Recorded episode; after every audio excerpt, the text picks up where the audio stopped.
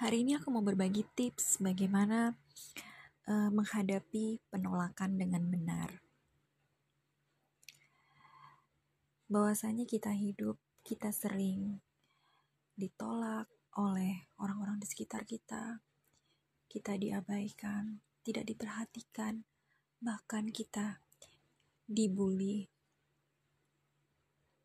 Kita diasingkan oleh orang-orang yang memang ingin memusuhi kita dan menghancurkan kita.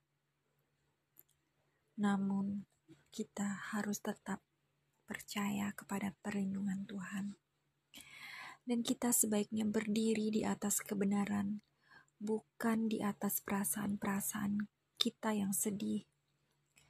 Dan kita menyatakan bahwa penolakan ini bukanlah tikaman yang mematikan kita, melainkan di situ juga ada perlindungan dari Tuhan. Kini aku merasa damai sejahtera karena ada suatu tujuan dari kekacauan ini. Aku tidak perlu mengendalikannya, aku hanya akan menerimanya sebagai hal yang baik. Tuhan kiranya melindungi aku dari panah-panah keraguan, keputusasaan, dan perpecahan dari musuh.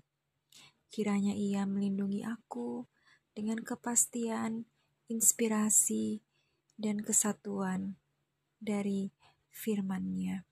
Jadikan aku berani Tuhan, jadikan aku tabah. Terima kasih untuk kepastian perlindungan-Mu.